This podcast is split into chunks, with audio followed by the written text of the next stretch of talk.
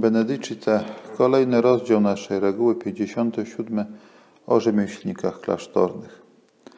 Być może dziwi nas ten przepis świętego Benedykta, że jeżeli któryś z rzemieślników unosi się pychą z powodu wykonywanego zawodu, należy go odsunąć od tej pracy. To, co świętego Benedykta niepokoi, to jest to, że ktoś może zacząć myśleć o sobie jako o kimś, kto jest niezbędny, jako o kimś, bez którego klasztor się zawali. Tymczasem ludzi niezastąpionych jest cały cmentarz. Ludzie y, wstępują do klasztoru, żyją w nim i umierają, a klasztory trwają. Y, jest tutaj potrzebna taka, takie uznanie, taka pokora, że nie wszystko od nas zależy, a wręcz przeciwnie, zależy od nas bardzo niewiele. A zatem pracując, starajmy się raczej uwielbić Pana Boga w naszej pracy, niż budować sobie myśl, że bez nas nikt nie da sobie rady.